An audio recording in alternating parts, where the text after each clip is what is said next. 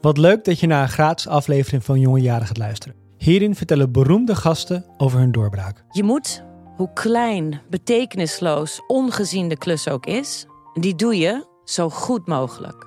Het allerbelangrijkste is dat je iets maakt wat je zelf wil maken. Wil je alle afleveringen luisteren? Ga naar podimo.nl slash jongejaren en luister de eerste 60 dagen gratis. podimo.nl slash jongejaren. 3, 2, 1. En toen, ik begon met de lieden te zingen. Welkom bij Jonge Jaren, waar beroemde mensen praten over de jaren voor hun doorbraak. Om zo hun succes te ontleden en jonge luisteraars te inspireren. Mijn naam is Ernst Jan Fout en in deze aflevering interview ik Jan Dino Asporaat. Hij is wat ze in Amerika een media mogul noemen. Want hij is niet alleen een succesvol comedian, hij ontving ook voor elke film die hij maakte een gouden kalf.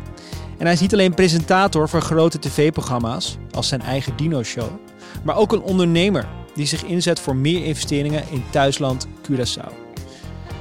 Daar werd Jan Dino in 1981 geboren. Hij was gelukkig tot zijn moeder naar Nederland vertrok om te werken. Jan Dino was toen negen. In zijn autobiografie schrijft hij dat hij toen als shower moest werken en elke nacht op een betonnen grond sliep. Op zijn elfde kwam hij alsnog naar Nederland, maar door ziekte van zijn moeder belandde hij in een internaat. Ik ben benieuwd hoe Jan Dino na zulke loodzware momenten toch het onbevangen beroep van entertainer vond. En hoe hij met weerstand omgaat. Want zijn films worden gekraakt, maar ze trokken wel anderhalf miljoen bezoekers. En zijn collega's vertelden hem vroeg in zijn carrière dat hij niet serieus genoeg was. Maar in 2017 speelde hij voor 40.000 fans in een uitverkochte kuip. Kijk, kritiek negeren, dat is één ding. Maar hoe heeft Jan Dino vervolgens zijn eigen speelveld gecreëerd? Ik stel hem die vraag in de winter van 2022 in het productiehuis van hem en zijn broertje in de oude Rotterdamse haven. Je kunt het interview lezen op onze site jongejaren.nl. Maar voor nu, veel plezier met luisteren naar de jonge jaren van Jan Dino Asporaat. Jan Dino, welkom bij Jonge Jaren. Ehm, het idee van dit programma is om jonge mensen inzicht te geven in hoe mensen hun carrière hebben gemaakt, welke keuzes ze hebben genomen. Ja. Deels om ze te inspireren, deels om gerust te stellen. En ik denk dat mensen. Ik heb natuurlijk de afgelopen weken helemaal in jouw universum geleefd om me voor te bereiden. Sorry voor alles. Sorry voor alles. Nee, nee, het was. Ja. eh, ik heb. eh, ik heb. eh, ik vond het heel vet. Oké. Ja, in je boek heb ik. Ik vond je boek ook. nou, ik, had, ik had natuurlijk een beeld van jou Ja. als, als comedian en je comedian-stijl en zo. Maar Mhm. er schuilt heel veel achter, ben ik achtergekomen. Ja. En ik denk een van de belangrijkste dingen van, die van mensen van jou kunnen leren, en waar ik naar hoop te vragen, is hoe je je eigen speelveld kunt creëren. Ja. Want je hebt best wel wat, wat tegenstand gehad, hier en daar ontmoedigd, maar eh, toch je eigen, eigen, echt je eigen plek gecreëerd. Ja. En daar ben ik heel benieuwd naar hoe je dat gedaan hebt. Ik ook soms, hè? Ja? nou, misschien we ik- samen ik- achterkomen. Ik zeg ook heel vaak, ik ben echt, ik, eh, ik ben verbaasd. Dat, ik zeg altijd, ja, dat ik het heb gered. Het is echt een wonder. Ook Ja. niet helemaal, maar ik sta soms wel eens te denken van, eh, ik heb alle ingrediënten om te eh, mislukken als ik zeg maar ga op de regels, de bestaande regels van hoe dingen zouden moeten gaan en zo. Dus je moet Mhm. eigenlijk gewoon de kaders gewoon negeren en dan gewoon gaan. Maar als ik de kaders had gevolgd, dan was ik mislukt. Ja, want misschien kunnen we dat illustreren met twee leraren uit, jou, uit je verleden. Eentje die eh, om je moest huilen en de ander die je uitschot. Ja. Eh, laten we beginnen met degene die om je moest huilen. Dat was een lerares die naar je voorstelling Blackout was geweest. Ja. Je hebt je huiswerk gedaan, joh. Jazeker. Ja. En ze kwam na afloop huilend naar je toe. Waarom? Ja. Nou, ehm, ik heb, eh, dat was in de groep 8, dat was juffrouw van het Hof. En zij heeft mij ehm, VBO gegeven als advies hè, naar CITO. En dat kwam ook voornamelijk dat ik eh, te druk was in de klas. En dan eh, wat je in die tijd ook kreeg, misschien nu ook, ga dan maar wat doen met je handen. En dan, eh, ehm, ik weet ook dat in de groep 8, in de laatste, dus in het laatste jaar kreeg je zo'n schoolmusical. Ja. En wij kregen geen tekst. We speelden in een bejaardenhuis. Eh, ja, wij, eh, eh, Ibrahim, de Turk en ik. Oké. En eh, wij kregen geen tekst. Wij hadden in de, in de musical, hadden wij, waren wel dokters, speelden in een bejaardentehuis. En hadden wij twee witte jassen aan, een banjo zonder snaar hadden we allebei. En zouden we de hele voorstelling zo te pengelen. Ehm, omdat we waarschijnlijk geen tekst konden onthouden. Ehm, en boven dat kregen wij als advies, of ik dan, eh, VBO. En eh, jaren later, als je dan kijkt naar alle andere leerlingen, eh, ben ik toch wel heel erg succesvol geworden. Ja. En eh, zij zei toen tegen mij na het zien van mijn voorstelling, waar ik heel veel teksten zou moeten onthouden, zei ze: ehm, ik bedenk me nu hoeveel andere kinderen heb ik de kans ontnomen om te zijn wie ze konden zijn, omdat ik ze niet begreep. En dat, dat, dat, dat raakte haar en dat raakte mij ook. Maar dat was ook een mooi moment. Ik vond het ook moedig van haar om dat toe te geven. Ja. Ik denk dat ze ook niet anders kon. Ik denk dat dat ook overrompelde. Want daar stond iemand waar- waarvan zij zeker wist van... nou, die moet maar wat met zijn handen gaan doen, want voor de rest lukt het niet. Ja, de, de andere leraar waar ik het over wilde hebben is iemand die... eh is een leraar die, ehm, volgens mij meneer Romeinse heet Ja. die. Die schold je uit op je dertiende voor klootzak. Ja. Maar dat was eigenlijk, dat klinkt heel negatief, maar dat was voor jou eigenlijk een heel belangrijk moment. Kan je eens vertellen wat daar gebeurde? Ik was eh, schilder. Ik wilde eh, binnenhuisarchitect worden. En eh, de bedoeling was dat ik eh, een paar jaar zou gaan schilderen. En kennis krijgen van kleur. Binnenarchitect was, eh binnenhuisarchitect was te ver gegrepen, omdat ik dus VBO had. Ja. Dan had ik zeg maar 12, 15 jaar moeten gaan studeren. Ehm dat je van ver komt. Dus kennis van kleur. En daarna zou ik interieuradviseur eh, opleiding gaan doen. En dan zou je dan ook een soort van een certificaten architect kunnen zijn, weet je wel. Uh, maar in die lessen liep ik wel de kantjes ervan af. En op een gegeven moment, midden in de eh, eh, les, schreeuwde meneer Romeinsen naar mij... Wat ben je nou voor klootzak? En de hele klas was stil. En iedereen schrok.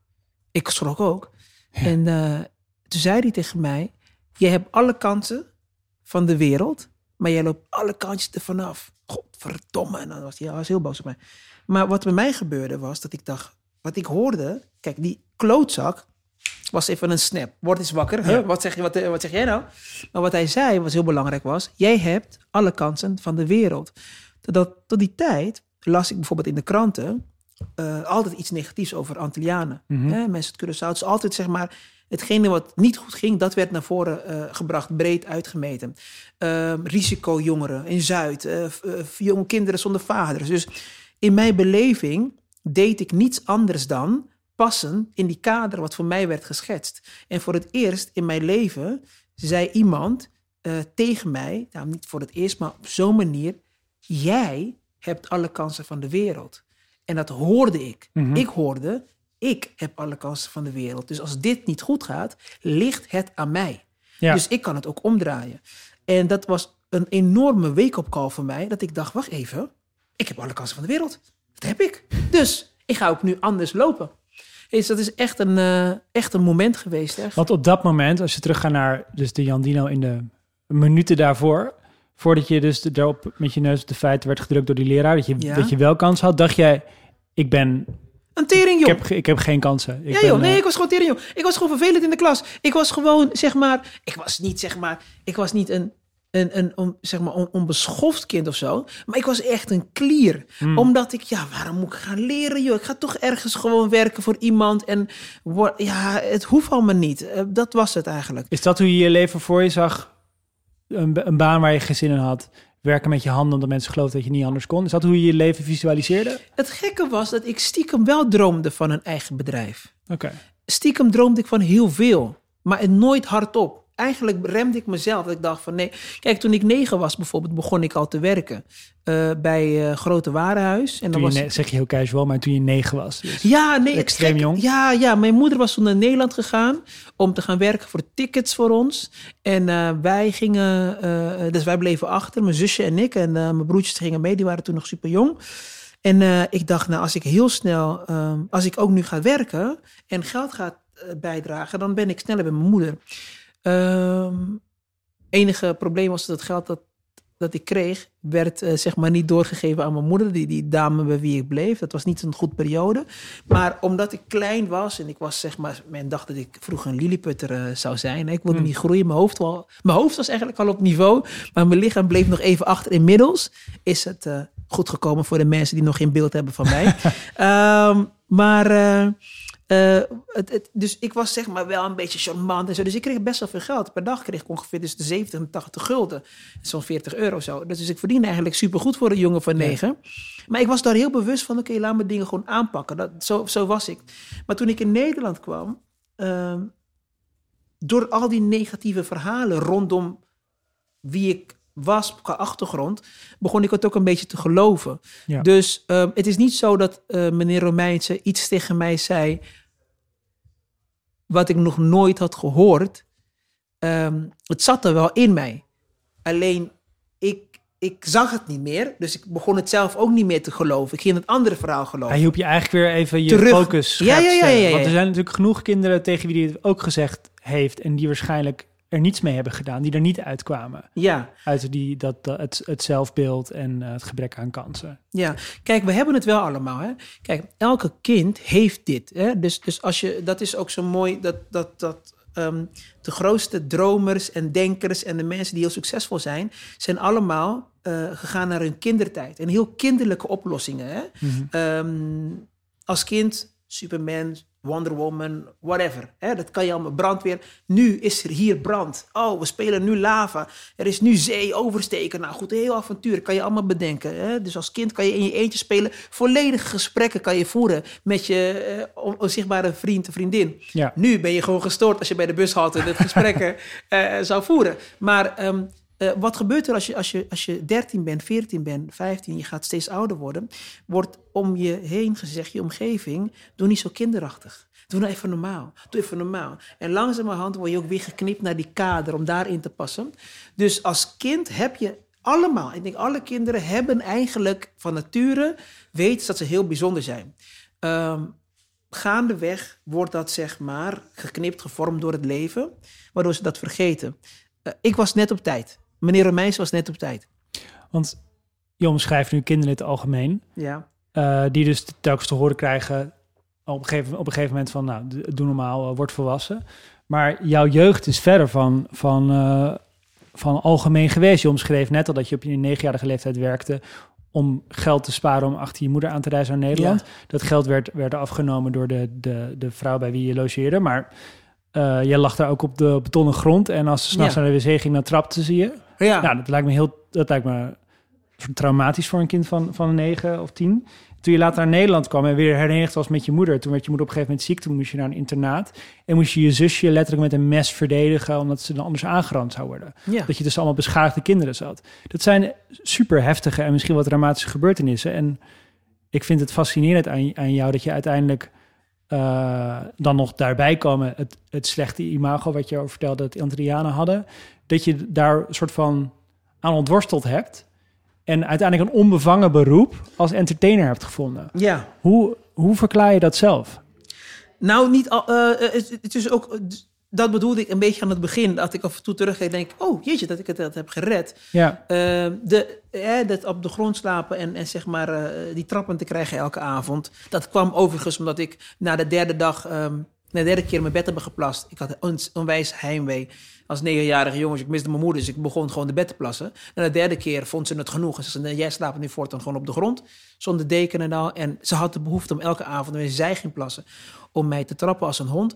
Ik heb, ik heb mezelf gewoon kunnen afsluiten en, en, en, en gezegd, dit is niet mijn realiteit op dit moment. Op dit moment is het focussen. Hou je mond.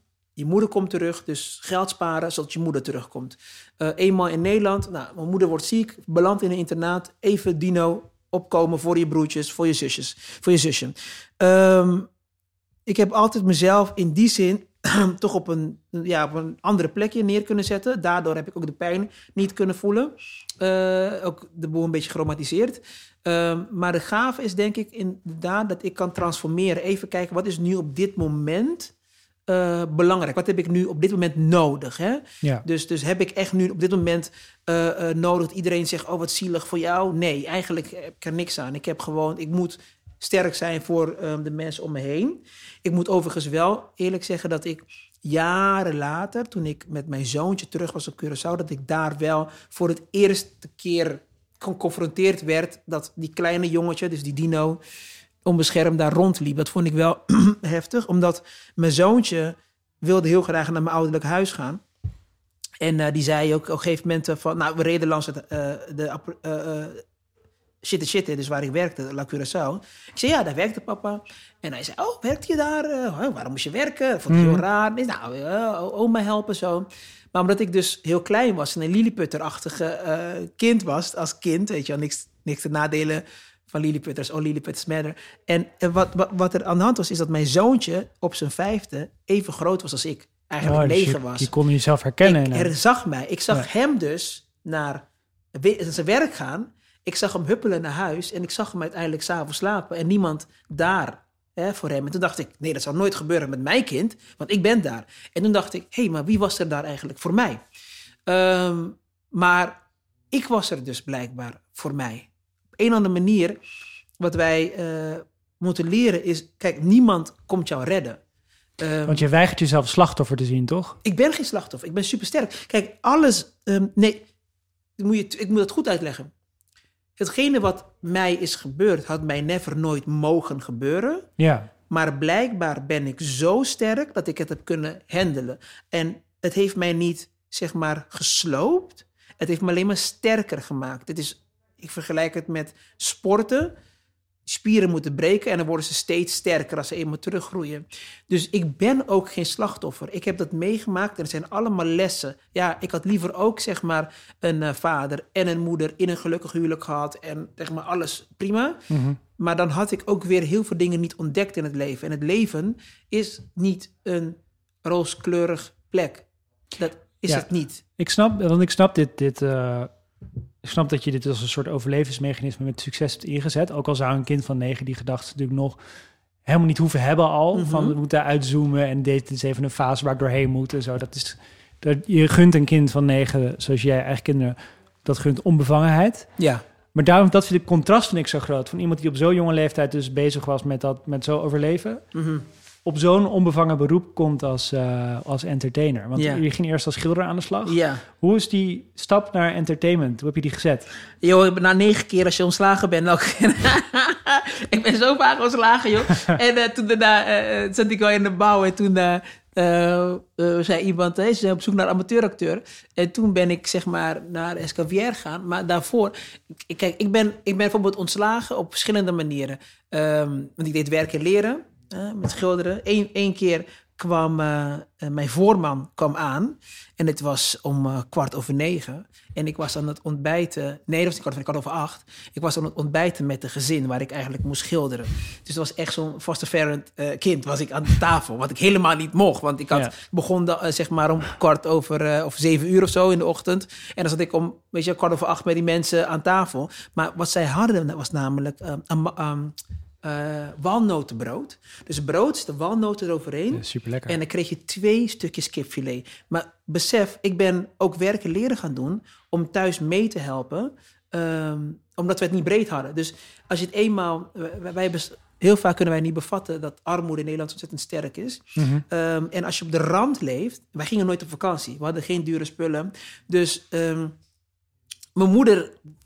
Kijk, als je één rekening krijgt van 30 gulden of euro eh, te veel... Dan dat stapelt zich op en dat wordt weer een boete van 40. En dan zit je eigenlijk heel ver achter. Iemand denkt, nou, betaal dan Ja. even die 30. En dat is heel moeilijk. Maar goed, in Dus ieder je geval... omschreef in je boek dat als je moeder dan een, een briefje van 25 gulden vond, dat Ja. jullie zoiets hadden van yes, hebben we vanavond lekker eten. Nee, het was feest. Ja. Dat was echt letterlijk feest. Dus, dus ehm, ik, ik, ik, Dus die twee stukjes kipfilet, dat was een ja, ja, ja, ja, ja, ja, dat was echt. Dus ik zat daar echt te denken van, let's go, weet je. dus toen kwam de voorman, wat is hier aan de hand? En eh, dan moest ik eh, eens een keer van naar buiten. En hij denkt, ja, ben je gestoord of zo? Je kan toch niet bij die mensen aan tafel? En ik zit van, hallo, gast. Het is walnotenbrood met kipfilet. Twee plakjes, hè? Dus thuis kregen we één plakje als we überhaupt kipfilet hadden. had, En eh, dat is voor één moment dat ik was ontslagen. Maar ik, als een ander moment vind ik eigenlijk nog steeds een heel goed verhaal. Zelf, om te zien hoe onbevangen ik was. Eh, ik was eh, zeg maar de ramen aan het schrappen. Een heel mooi herenhuis bij Gerdinsjaweg. Heel mooi. Aan het schrappen zo. Dan schrappen met. Het- En dan blaas je eigenlijk het, eh, het verf. En dan schrap je het allemaal. Dan kreeg je helemaal van die verfsplinters eigenlijk overal. En ik kom binnen, zag ik een waterbed, zo'n ronde bed. Ik heb nog nooit een waterbed, nooit waterbed, Ja. waterbed, water. Ik heb wel water laten vallen op bed of zo, maar waterbed. Denk ik, nou daar moet ik op liggen. Dat is wat mijn hoofd zei. Jij gaat daarop liggen. Dus ik ben naar binnen gegaan. Maar wat het was, wat ik heb gedaan, ik heb dus beneden heb ik gewoon chips gepakt en cola. Ja. En dan ben ik boven, ben ik Esther Wacht, je hebt de chips en cola Ja, dat is- uit, uit gewoon de keuken daar gepakt. Ja, van het en- huis waar je en- het ja, schilderen maar dat was. kwam ook omdat die mensen zeiden... ja, jullie kunnen pakken als... maar dat Oh zei tegen de voor, maar niet tegen mij. maar op dat moment dacht ik, oké, cola kan ik pakken. Nou, een bakje chips mee naar boven. En toen ben ik Esther Turns gaan kijken. Dat was toen helemaal, helemaal hip met Holden en. Lily. En, eh, Vanuit een rond waterbed. ja, dus ehm, de, ik denk twee dagen later kwam de voorman. ook weer een andere voorman, eh, die zei van, ben jij, heb jij, ben je het huis geweest? En eerst zei ik, nee. Zeiden ze, nou, iemand heeft dus, eh, is op het waterbed gaan liggen, op van hun. Ik zeg, nee joh, dat kan niet. Ah, ben ik niet geweest. Ik zeg, jawel, dat ben je wel geweest. Want hoe verklaar je anders van die ehm verfschilfers, eh, zeg maar, onder de deken? Dan dacht ik, oh ja, dom. Ik was dus, maar ik was iets van 16 en zo. Dus ik ben, zeg maar, onder de deken ben ik gaan liggen. Het was raar geweest dat ik me overal had uitgetrokken. En dan gewoon in mijn, in mijn jockey, in mijn onderbroek. Dat was pas raar geweest. Dus eigenlijk vond ik mezelf wel... Maar goed, in ieder geval, dus ik ben vaak werd ik ontslagen. Ja. En eh, het was ook gewoon niet mijn wereld. En eh, toen eh, zei een vriend tegen mij... hey, ze zoeken een amateuracteur voor een gezelschap. En ik wist dat eh, theater, zeg maar... Met theater kon ik mensen bereiken. Ik denk, ehm, het is tweeledig. Enerzijds is het de mensen een goed, goede tijd geven. Dus Mhm. ik denk, als persoon wil ik altijd van... oké, iedereen heeft een fijne tijd. En het was voor mij eigenlijk, achteraf, eh, therapie. En dat was eh enige moment dat het e- even om mij ging. Ik was even centraal. En omdat ik al vanaf klein al bezig ben met mijn moeder aan het helpen. En eh, mijn broertjes en zo. En mijn En op zusje. je elfde je zusje aan het verdedigen, het internaat. Ja, Maar Jan Dino, als ik je goed begrijp, ik zit heel te vissen. Hoe kan je zulke tegenslagen hebben, zulke heftige gebeurtenissen meemaken en dan een onbevangen beroep als entertainer vinden? Maar eigenlijk uit jouw verhalen blijkt hoe je ontslagen werd, is dat je die onbevangenheid dus wel eh, nog steeds had. ja. Dat je uit onbevangenheid mee gaat ontbijten of uit onbevangenheid ja, rond waterbed as the world turns eh, gaat kijken. ja. Dus het, maar en, en je, gaf net aan van oké, dus ik hoorde over ama- amateuracteurs en je gaf twee hele mooie redenen waarom je waarom dat bij je past. Mhm. Namelijk, je bent iemand die altijd aanvoelt, heeft iedereen naar zijn zin. En als het niet zo is, dan ga je daar wat aan doen. Ja, En aan de andere kant een soort therapie dat jij nu eigenlijk in de spotlight mag staan. ja. Maar was dat ook wat je, is dat met de kennis van achteraf? Of realiseerde je dat toen? Oké, want hoe, hoe, wat trok je toen op het moment dat je hoorde van worden amateur acteurs gezocht? Waarom dacht je dat is iets voor mij? Ik denk, maar wel mijn fantasie. Ik heb wel een, dat, dat, dat wist ik al vanaf kind al, een eh, fantasierijk hoofd. Dus dat vond ik wel spannend. Ik ga wel even dat doen, weet je wel. Ja, Maar bij de eerste auditie eh, wist ik wel. Toen zei ik tegen God, zo, dat gesprek mee. Ik zei, als ik hier word aangenomen, dan word ik een eh, ster, zei ik zo.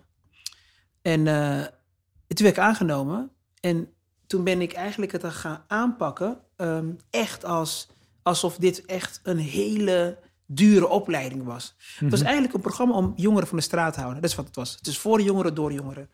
Maar ik nam het bloed serieus. Ik, eh, ik nam extra danslessen, zanglessen. Eh, ik had bijvoorbeeld een hele goedkope zangles. Ik, volgens mij zong nog beter dan de lerares, want ik betaalde iets van acht gulden. Het was echt gewoon... Zij, zij zocht, ik dacht achteraf, deze zangeres, lerares, die, die zocht ook een vriend. Die zocht mensen, want wie geeft nou voor acht gulden, zeg maar, les? Dat in India zouden ze zelf zeggen van, ja jongens, even serieus. Nee, nee, nee, nee, nee, nee. nee.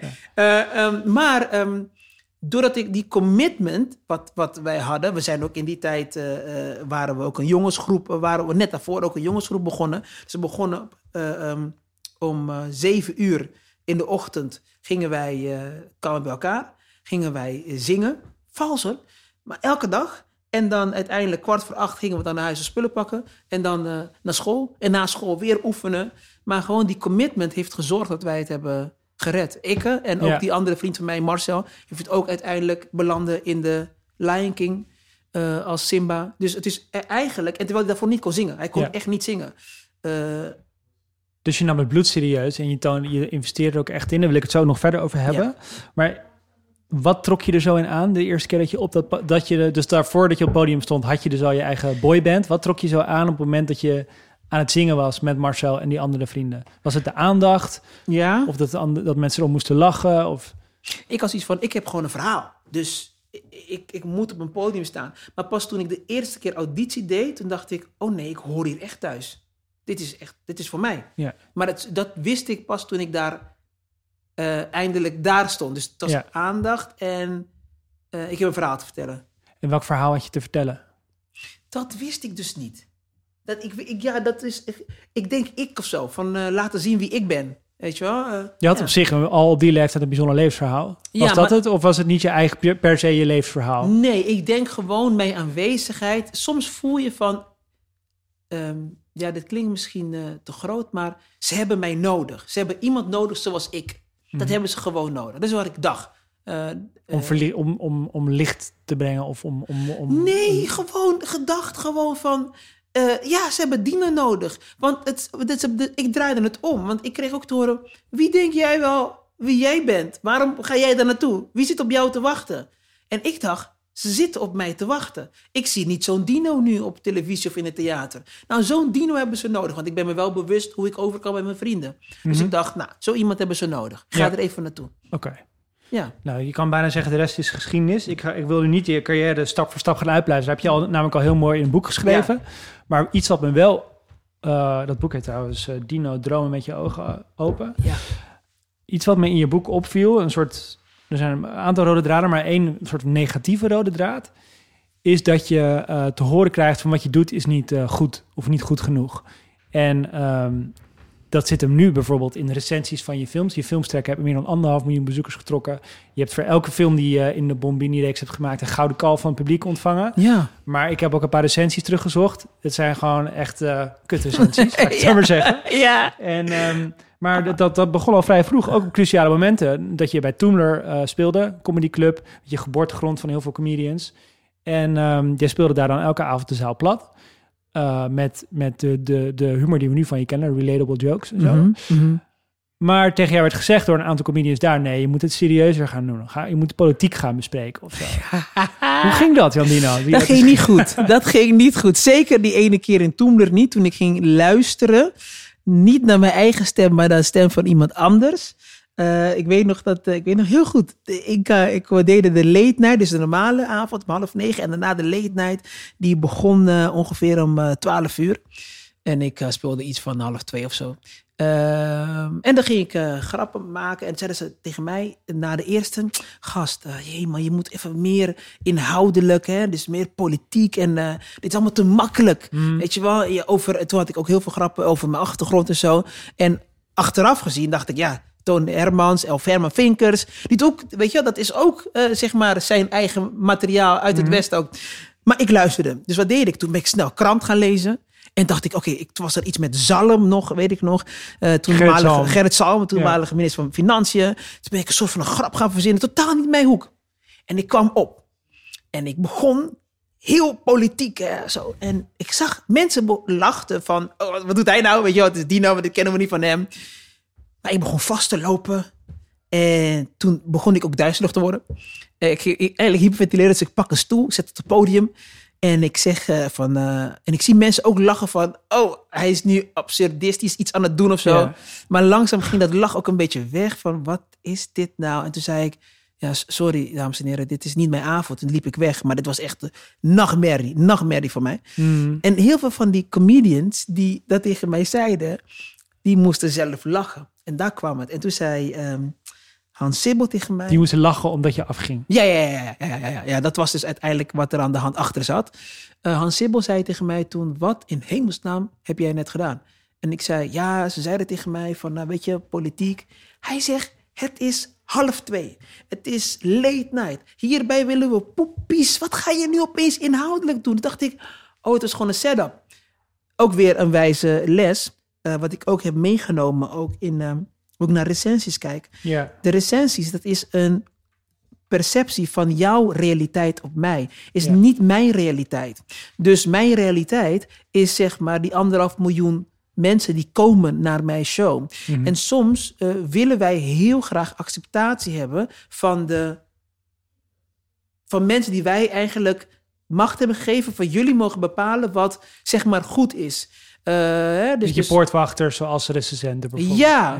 En, en toen ik dat eenmaal vroeg in mijn carrière achterkwam, dat dat eh, ook gewoon mensen zijn die, ehm, ja, sorry, nou geen, ik ga het niet gemeen zeggen, maar het zijn gewoon mensen. Je slikt iets in. Ja, ja, ja, ja. ja.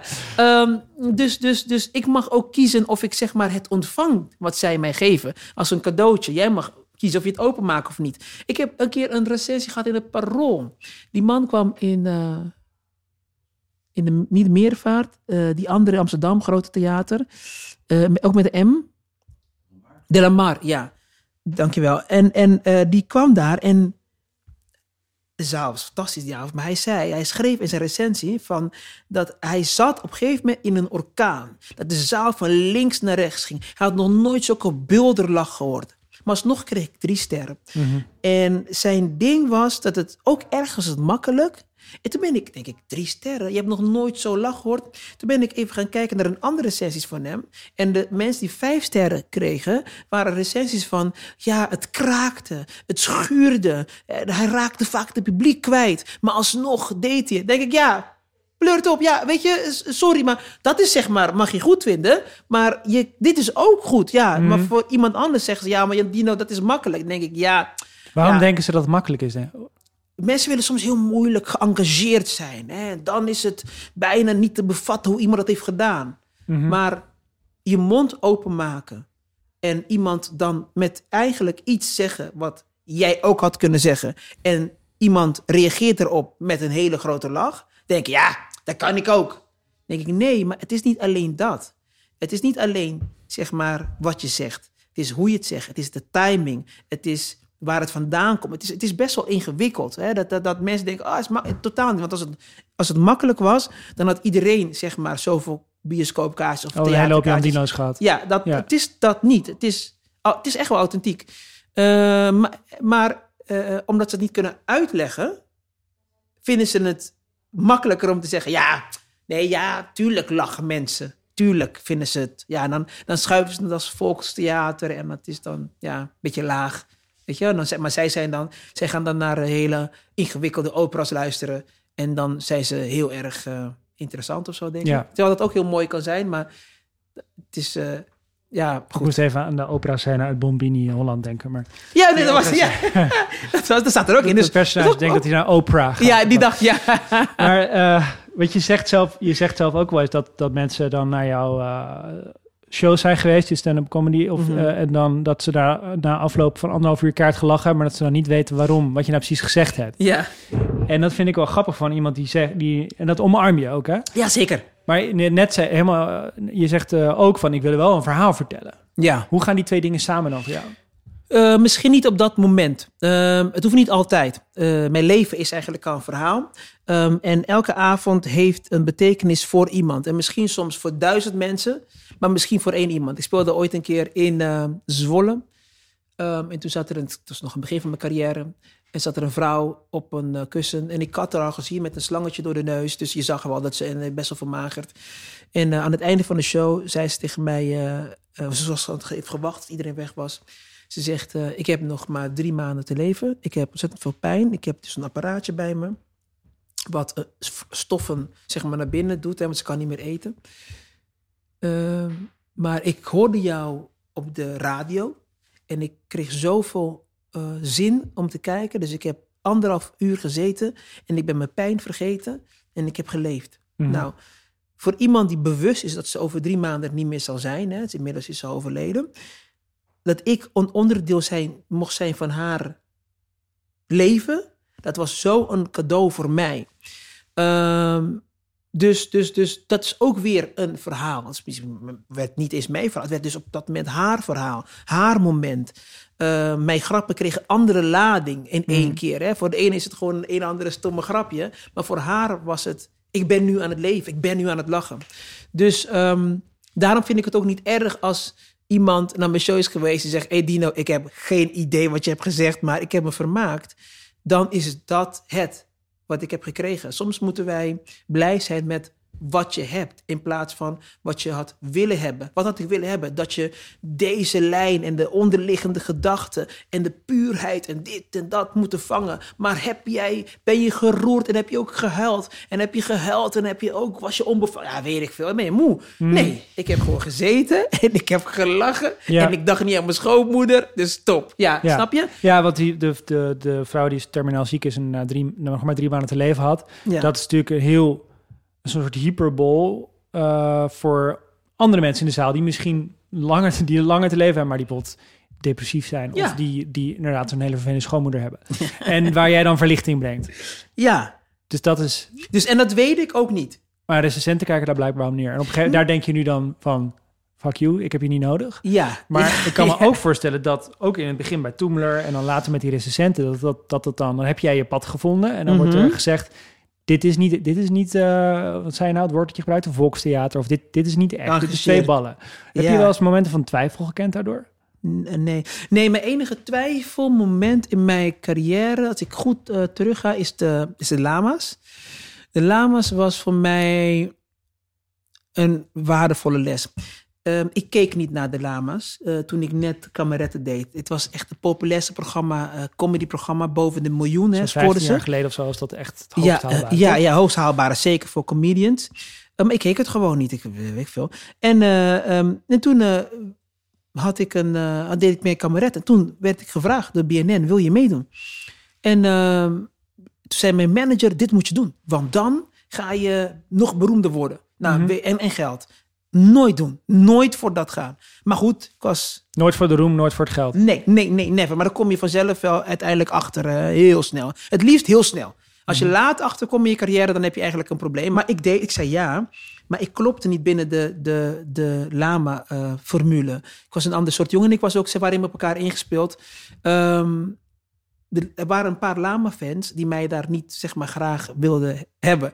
Dus ik weet nog, ehm, de blogs waren toen net helemaal hip. Je had één, één Lama-fan. Linda 88 was het ergste. Maar ik kreeg alles hè, naar mijn Dat je hoofd. haar naam nog weet, 15 jaar later. Ja, ja, ja, zegt, ja. eh, Oh, Linda jawel, ja, ja, 88, ja, ja, ja. zegt een Linda hoop. 88. En dat was haar hives-naam. Dus het is echt, dan weet je, we zijn even ver. en, eh, ehm, maar ik kreeg, kijk, de, de ergste dingen wat ik kreeg was van, ehm, gewoon eh, topics van, hij moet kanker krijgen, hij moet een kogel door zijn kop, hij moet gewoon weg. En ze waren vicious, gewoon echt. Dus ik moest gewoon sterven. En Linda 88 maakte elke keer, zeg maar, een topic over mij. En daaronder 300, 400 reacties. Het is toch een beetje de, de hedendaagse Een Twitter. haatcampagne om je uit het programma te krijgen. Ja, ja, ja. En, en, en ze gingen gewoon op elkaar. Maar wat ik deed dus, omdat ik dus nog niet helemaal, zeg maar, eh, wist wie ik was, ging ik mij identiteit verlenen, of tenminste ontlenen aan hun gedachten. Dus ik paste in die kader. Dus ging ik elke dag lezen. Niemand wist dit. Elke dag ging ik weer zoeken, wat hebben ze over Jandine geschreven? Oh, mijn god. Ja, Hmm. en, en het werd in mijn hoofd groter. Linda dacht werd groter en groter en groter en groter en groter. En al die haat, dus ik loop buiten en ik denk dat iedereen mij nu haat. Ehm, ik weet nog, ik speelde in Tilburg nog mijn laatste show. Het was eigenlijk een hele goede show. Toen begon ik eigenlijk voor mezelf op te komen. Mensen hadden heel goed op mij gelachen. En toen had ik tegen BNN gezegd, ik stop ermee. Ik ga zelf beroemd worden, ik ga mijn eigen weg gaan. Dus dat was al zeg maar wel een triomf voor mij. Ja. Alleen de beste kwam toen ik dus mijn laatste avond had een soort van meet and gr- greet met allemaal fans en zo. En die gingen meestal die andere lamas. Ik stond er ook heel vaak jassen vast te houden of zo. Maar toen was iemand aan het roepen, eh, Linda, Linda, nog niks aan de hand. Linda, Linda, Linda. En toen ehm, eh, zei dat andere meisje, riep haar bij haar huisnaam, dat ze niet reageerde. Linda 88. Bro. Ja, ken je dat stond even stil, denk ik. als je zo, wat je in één keer dat wolk zo van eh, donker wordt en onweer en alles, maar Ja. binnen, mijn hart kreeg warm en koud. Want hier is die monster die mij een half jaar al aan het treiteren was in mijn hoofd. Nogmaals, Mhm. ik heb haar die macht gegeven. Ik kijk naar iemand, zij was toen nog omgedraaid naar mij, een grote bubbelcoat, witte bubbelcoat, zo heel groot zo, vissershoedje, tenminste vol meisje, die draait opeens om en ik zie dat hoofd. En ik wil niet zeggen dat God fouten maakt, maar hij was wel moe. Het punt was dat ik opeens achterkwam was, Linda had geen hekel aan mij. Linda had een hekel aan haarzelf. Ja. En ik was een afleiding en ik waarschijnlijk nog met andere mensen. Daarom ging zij zo hard op mij, want hoe harder zij op mij ging, des te minder op haar werd gelet. En zij was nu opeens, eh, zij, was, zij was de heldin. Ehm, en toen heb ik besloten dat ik nooit meer iemand anders de macht gaat geven over mijn leven, over wie ik ben. Dus ook dat heeft mij geholpen. Het was bijna, het was de eerste keer dat ik echt depressief ging worden. Maar, eh, dus ik kwam er al goed uit, een beetje uit mezelf. Ik denk, ik stop hiermee. Maar ik Ja. denk dat ik nog schade had ondervonden als ik Linda niet op dat moment, dat mijn monster in één keer in klaarlichte dag verscheen. En dat ik dacht, oh, je bent helemaal geen monster. Je bent gewoon een hele kleine, zielig, of eigenlijk een mens die zelf heel veel pijn heeft. Ja. Ah, ik had er nog medelijden met haar of Dus zo. het ging meer om haarzelf dan om jou. Oh ja, Terwijl, maar, ja. Ja. Maar dat is altijd, hè? Dus als, als mensen zeg maar, iets over jou zeggen, gaat het heel vaak over hun. Het is hun perceptie op jou. Vaak. Als ze in één keer, als ze met jou gaan praten, dan kom je vaak achter van: ik bedoelde het niet zo. Ik ben eigenlijk helemaal niet zo. Oh, dat wist ik niet. Snap je? Dus het is nooit dat. Dus als ze jonge makers met haters te maken krijgen, moeten ze gewoon Linda voorstellen en denken: het zegt meer over die haters dan over mij. Maar Ja. ik hoor je ook iets anders zeggen. Eigenlijk elke keer dat jij dus tegen je intuïtie in, in toch luistert naar bijvoorbeeld die comedians bij Toomler. Of toch naar je manager die rijk en roem, rijkdom en roem als, als eh, beeld schetste. Elke keer als je dat deed, werd je dan een kaart afgestraft eigenlijk. Ja. Eh, en, eh, jezelf verlogend. ja, dat snap ik. Maar dan heb je dan, dan je moet nog wel steeds iets. Je moet wel. Ja. En nu kom ik eigenlijk bij iets wat ik heel, wat ik heel bijzonder aan jouw carrière, vind: dat je je eigen speelveld moet creëren. ja.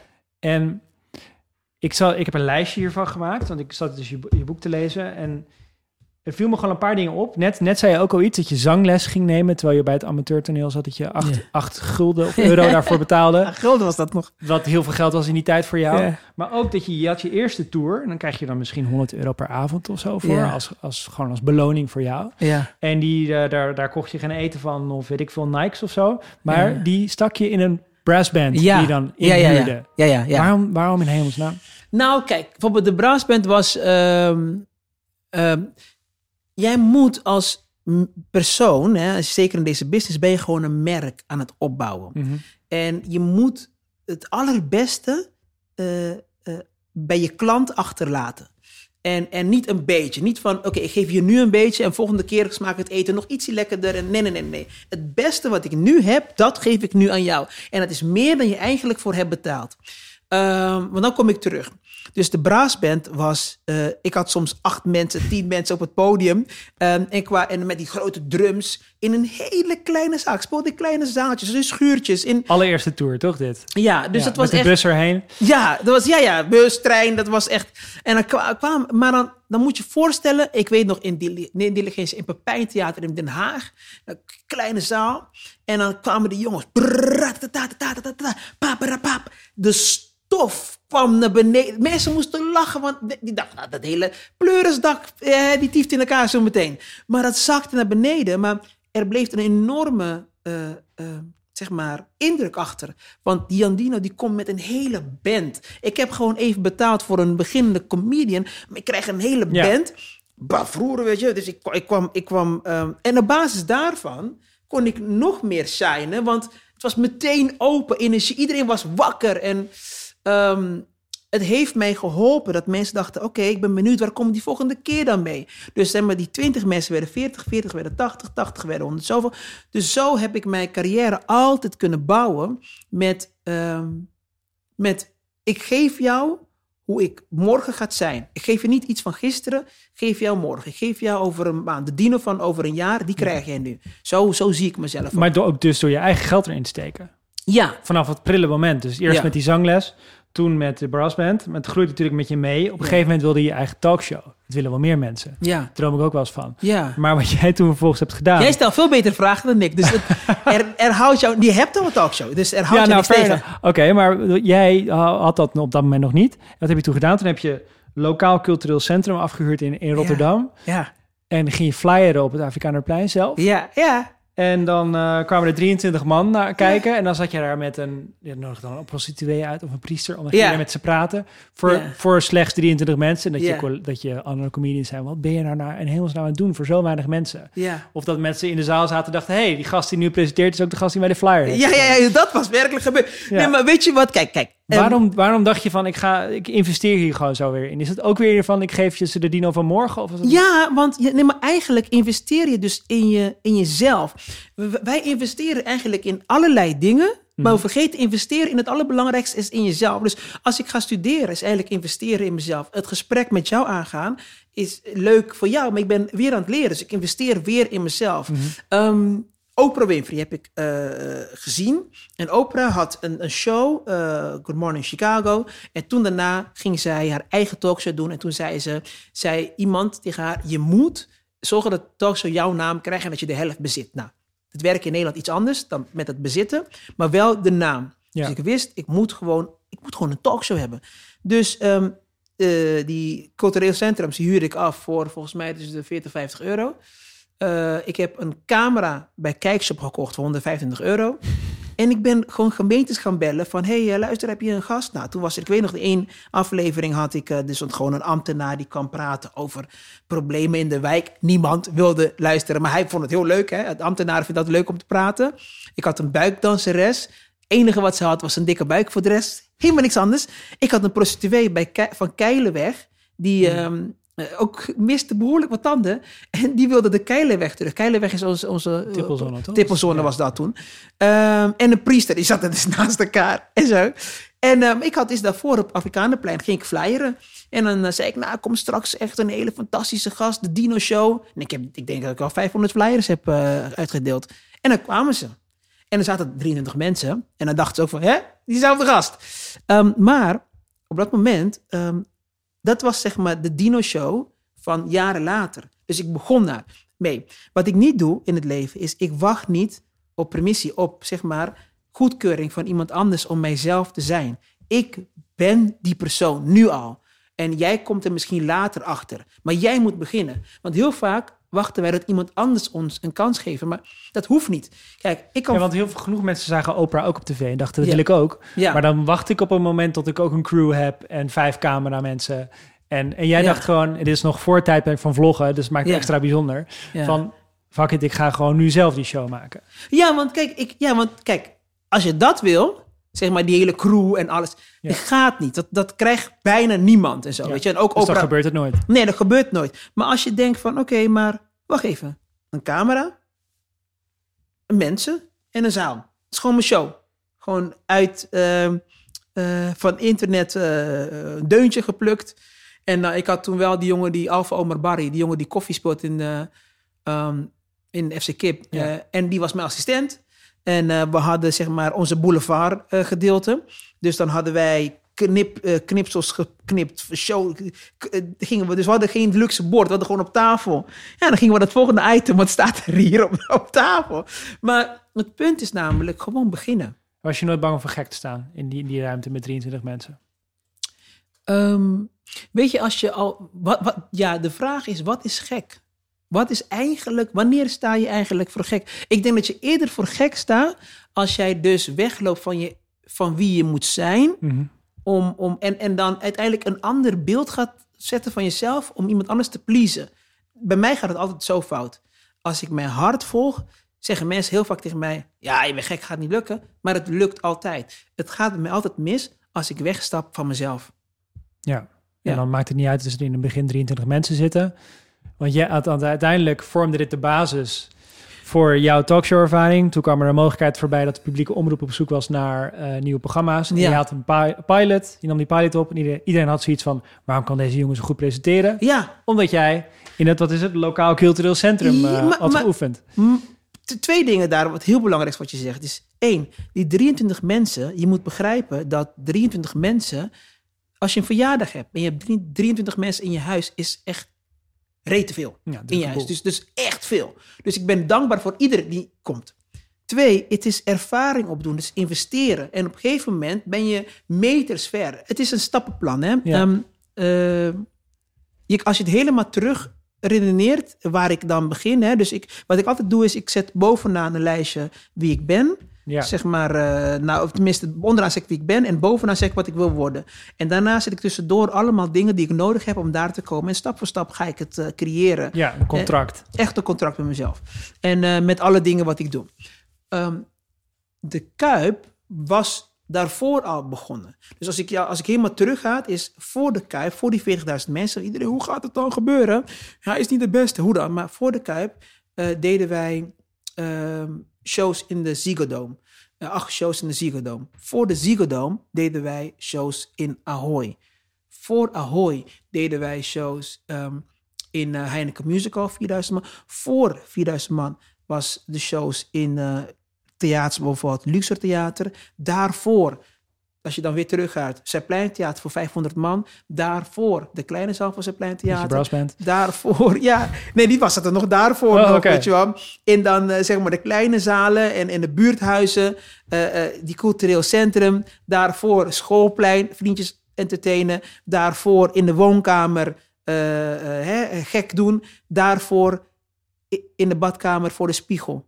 Snap je? Dus, dus het begint daar. Dus als je daar al... Voor de spiegel heb ik al een paar keer... Goedenavond, bla bla. Dat heb ik allemaal gedaan. Dus, dus de, de kuip zou niet na de badkamer gelukt zijn. Snap je? Dat, dat is... Dat is ja, Maar, maar je moet het beseffen. Het, ik heb een hele historie. Alles wat ik doe, heeft één stap daarvoor. Het is stap voor stap voordat ik dingen Ja, bereik. Dus en wat elke stap kenmerkt is dat investeren in jezelf. ja, ja. Ja. En, en, en, en, maar wat wil je halen? Want eh, ik weet nog dat de Kuip... eh, het ging bij mij niet om dat we het uit gingen verkopen. Ik wist dat het uit gingen verkopen. Maar daar ging het niet om. Ik weet nog dat de donderdagavond, toen de decor al helemaal was opgebouwd... De show de zaterdag. De decor was helemaal eh, gebouwd. En ehm, mijn broertje was daar, Kenneth. En eh, die was met de walkie-talkie, met de helm en allemaal spullen had hij. En dan was dat hoogwerkers, mensen waren nog aan het bouwen. En ik werd zo geëmotioneerd, omdat ik zag mijn broertje en ik moest huilen. Hij zegt, is iets niet goed? Ik zeg, nee, het is precies goed. Want wat ik dacht, ik zag mijn broertje die ik... Ik heb zijn luier nog Mm. gewisseld. Ik zag vanuit de, mijn raam, zag ik de mast, lichtmasten van de Kuip. Dat is het enige wat ik zag. Van je jongenskamer. Ja, van mijn jongenskamer. En nu stond ik in de Kuip. Dus al zou de show zaterdag niet gelukt zijn, of niet door was gegaan, het was al gelukt omdat ik mocht dromen om te staan in de Kuip. En daar gaat het om. Dat is wat heel veel mensen vaak missen. Het gaat niet om eh, die avond te staan en dan zitten 40.000 mensen te juichen en te lachen. Nee, het gaat erom dat jij, wat je droom ook is, kan bedenken en jezelf gunt om te dromen en te ervaren. Maar Mhm. mensen zitten heel vaak, oh, het moet, eh, hè, eh, het moet lukken en ik moet heel rijk worden. Daar zit niet de rijkdom. De rijkdom is in het proces. Je had je droom op donderdagavond al behaald, Ja, ja, ja. om, terwijl je zaterdag pas zou spelen. Ik zat dus net, net probeerde ik als een rode draad te zien, en volgens mij terecht, dat je dus telkens ervoor koos terug te investeren in jezelf. Mhm. De andere dingen op mijn lijstje dat er nog niet had. Dus naast dat je Ahoy had afgehuurd, ook al geloofden mensen niet dat je dat vol zou krijgen, Ja. had je, wilde, was je ook bereid vier ton in je eerste film te steken. Ja. Ehm, en de, dus dat, dat is aan de ene kant waar mensen van kunnen leren. Dus stop die eerste 100 euro niet in, weet ik veel, nieuwe schoenen, maar in een brass, Ja. in jouw equivalent van een brassband. Ja. Het andere is wat je zegt eigenlijk, het gaat om de, om de reis er naartoe. Dus het was al geslaagd. Ja, en je doet het eigenlijk voor, het, voor de reis zelf, voor het mogelijk maken met je, met je broertje Kenneth. En daarom was het op donderdag al een succes, Mhm. terwijl je op zaterdag moest spelen. En dat maakt er waarschijnlijk ook alle tegenslagen, hebben we het nu niet over gehad, maar alle tegenslagen eh, de moeite waard. Ja. Want je had een financieel directeur van de Kuip die er niet in geloofde, die het een gestoord idee vond. Je had ergens een juridisch conflict. Je kan natuurlijk niet zo zeggen wat het was, want het is Ja. juridisch. Maar je werd nog enorm genaaid vlak voordat de kaartverkoop begon. Ja, ja, ja. Ja. Dat soort... Dus, om- maar om even het idee weg te nemen dat je allemaal aan is komen waaien. Het is ook wel echt no pain, no gain in dit verhaal. Ja, want dat denken mensen heel veel. Hè? Dus ik denk als ik soms met mensen, soms doe ik dat hoor, hè, bijna nooit, maar heel soms is het nodig. En dan neem ik mensen wel eens mee in mijn, eh, zeg maar, in het falen. Hè? Ja. En dan schrikken ze zich helemaal een hoedje en denken ze, eh, ho- ho- hoezo ben je dan nog doorgegaan? Eh, maar dat komt omdat ik, zeg maar, ik, ik zie falen bestaat voor mij niet. Ik, het zijn allemaal lessen. Dus ik ben, ik, ik, ik vier het leven de hele tijd. Dus j- jij kan mij down meemaken, wellicht vier minuten. Wellicht. Het kan zijn dat ik nog iets langer down ben, maar in het bijzijn van andere mensen, vier minuten op zijn max en dan boem, stop met klagen. En nu? Wat, wat, wat, wat leer ik? Wat zegt dit moment tegen mij? Wat moet ik? Wat mis ik? Let's go. Omdraaien. Oké, dan zo proberen, dan zo proberen. En dit is de waarheid. Ik heb heel veel klappen gehad, alleen ik kan het mij niet permitteren om te blijven zitten en huilen. Wat, wat zeg maar, voegt dat toe aan de situatie? Ehm, het is gewoon een les van deze kant moet je niet opgaan. Oké, dan ga ik die andere kant dan blijven. Dus daarom zeg je ook tegen je lezers in je boek... eh, zie jezelf niet als slachtoffer. Mhm. Kijk naar wat je kan doen. Ben je nooit bang dat je dan al die dingen wegstopt of zo? Als je dan vier minuten, je laat vier minuten negativiteit doen en daarna ga je weer knallen. Ben je dan niet bang dat je een soort opeenstapeling van... Dat doet, bedoel, het lijkt me wel iets met je doen als je juridisch genaaid wordt eh, bij het belangrijkste show op dat moment van je leven. Nou, kijk, dat was zeg maar wel een. Dat, die heeft wel langer geduurd, hè? Die heeft wel Mhm. langer geduurd, omdat ik. ehm, toen dat gebeurde, ik kon het niet geloven. Dus toen ben ik naar een hele donkere plek gegaan. ik heb iets, ge, ehm, zeg maar, er kwam iets uit, uit mij dat ik nooit had gedacht. Hè? Dat, dat ik eh, ben nooit zo, zo belazerd. Dus ik was ook, zeg maar, bijna klaar om. Ik moet altijd goed nadenken, want ik mag juridisch bepaalde dingen niet, bepaalde dingen niet zeggen. Dat is juridisch niet helemaal oké. Nou, ik was, ik was zeg maar bereid om echt op een plek te komen wat ik niet zeg maar graag wil zijn. En dat heeft eh, effect gehad, drie maanden op mij. Eh, omdat zo wil ik me nooit meer voelen. En dat, ik ben ook niet zeg maar die persoon. En zoveel kwaadheid, dat is niet... Ehm, dat is eigenlijk de enige keer waarbij het best wel lang duurde dat ik achteraf dacht, Dino, want eh, mijn plezier ging weg. Dat is tijdens het proces van het maken van de show. En ik deed alles wat ik moest doen, maar daarbij was ik acties van ja, als ik mensen niet kan vertrouwen en als mensen zo slecht zijn, ja, dan waarom, waarom doe ik het? En toen dacht ik, huh, wacht even, je bent nog steeds in charge. Weet je, waarom laat je iemand anders dat uh, hè, beslissen voor jou? Get out of it. Ehm, dus dat, dat was toen gebeurd, maar ehm, wat je zegt klopt wel. Van, van, weet je, stop je dan dingen niet te veel weg. Het is wel een proces uh, van ventileren. Van dus de, dus de, de, kleine dino af en toe ook de ruimte geven om te huilen, om teleurstellingen toch te ervaren ergens, om te laten zijn. Dus dat leer ik ook steeds beter te doen. Alleen, ze krijgen mij niet de overhand. Ik denk dat ik het toch wel goed kan, uh, steeds beter. Ik ben gewoon een normaal mens. Uh, dat ik uh, mee kan dealen met teleurstellingen. Dat ik ze af en toe iets langer laat zijn. Maar vaak doet het gewoon niet zoveel voor mij. Dus dan, ik kijk het, bewerk het, verwerk het bedoel ik. En ga ik door. Zoals je op negenjarige leeftijd op die betonnen grond al deed. Ja. Dat je naar die situatie keek. Je hebt het later toen verwerkt. Maar op dat moment dacht je, ik moet nu gewoon door. Ja, het heeft nu op dit moment helemaal geen, zeg maar uh, ik heb er niks aan op dit moment. Nee. En eigenlijk als, als afsluiting, ik las een passage in je boek op mm -hmm. um, bladzijde 187, om precies te zijn. Zal ik het voorlezen of wil je het zelf voorlezen? Het is een linia. Ja, ben, uh, ja, ik kan wel voorlezen, maar ik ben wel dyslectisch als de pest. Hè? Dus op een gegeven moment dan onder spanning gaan dingen zwaar. Oké, okay, dit gaat om dit stukje. Elijah zegt nu al uit zichzelf, ik ga niet werken voor een baas. Ik ga werken voor mezelf. Papa, je hebt ook gewerkt vanaf je negende, dus dat kan ik. Dan kan ik het ook. Emily wil later de baas van mijn bedrijf worden. Dan moet ik nog een beetje om lachen, want ze is pas vier en weet niet wat ik in mijn bedrijf doe. Maar ze zijn allebei nu al op zoek naar een opportunity en niet naar een baan. Dat is voor mij een van de grootste complimenten als vader. Ja, ja. Yeah. Dit zijn je kinderen, twee, twee, je hebt inmiddels drie kinderen. Ja. Maar waarom is het voor jou als vader een van de grootste complimenten dat je kinderen niet op zoek zijn naar een baan, maar naar een opportunity? Omdat zij namelijk dan vertrouwen op zichzelf.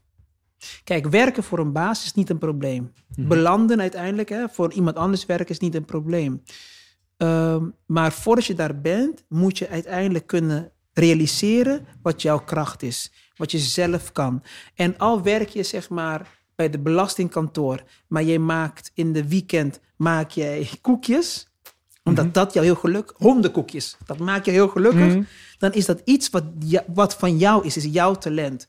Um, wat je vaak ziet is dat wij, um, ja, we, we, we, we, we worden op, uh, grootgebracht met ga leren en ga werken voor een baas. Mm-hmm. En dat is zeg maar goed. En je ziet nu dat dat een probleem is omdat de wereld aan het veranderen is. En je moet een huis kopen. Nou, dat wordt al heel moeilijk voor heel veel mensen. Nu al, nou over een paar jaar nog erger. Mm-hmm. Dus um, dan is het nog belangrijker, wie ben jij?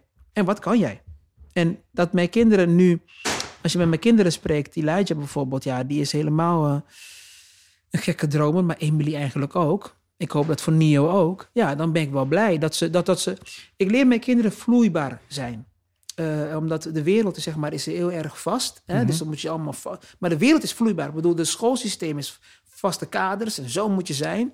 En dan kom je opeens in een hele vloeibare uh, um, situatie. En dan kunnen ze niet om improviseren. Dus ik heb altijd iets van: oké, okay, luister, wees vloeibaar, improviseren. Dat betekent dat wat ook op je leven afkomt, op je pad afkomt, je kan het handelen. En dan pas je aan en vloeibaar als ja, water, dan kan je alle vormen aannemen. Dus dat zij niet op zoek naar een baan zijn, maar naar een opportunity, zoals je dat beschrijft, staat voor jou symbool voor ze geloven in zichzelf, ze geloven dat ze zelf een realiteit kunnen vormgeven. Dat is zeg maar, ja, mooier dat ik het niet kunnen brengen, maar dat is zeg maar hoe het is.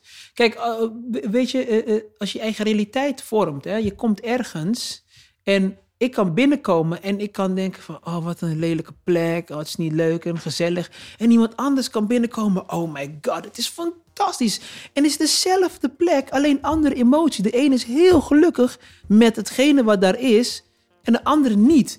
Maar degene, degene die heel gelukkig is, die, die ziet allemaal mogelijkheden. Die krijgt energie daarvan. Die denkt, let's go. En die andere denkt, ja, maar hoe dan? Dus je moet je kind ook leren kijken en, en, en eh, opportunities ook leren begrijpen. Wat is dat dan? Wat betekent dat eigenlijk? Wat zijn mogelijkheden? Wat kan ik? Weet je zo, dat zijn wel... Dus ik ben blij dat ik zo'n gesprek al kan hebben met mijn kinderen.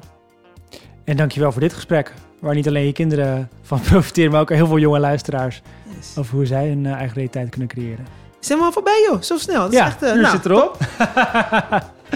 Dankjewel. Dankjewel. Ja, thanks.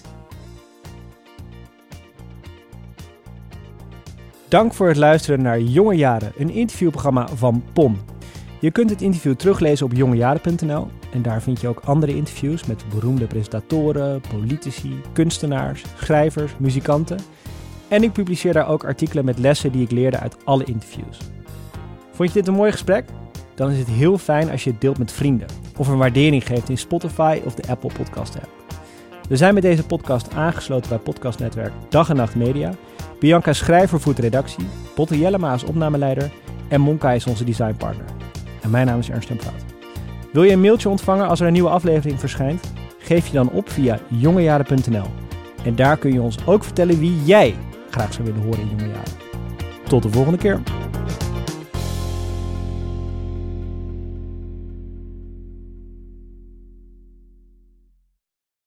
Wil je meer afleveringen van Jonge Jaren horen? Ik heb nog tientallen andere interviews met inspirerende makers opgenomen. Ga naar podimo.nl slash jongejaren en luister 60 dagen gratis. Mis het niet en laat je inspireren om je eigen pad naar succes te vinden.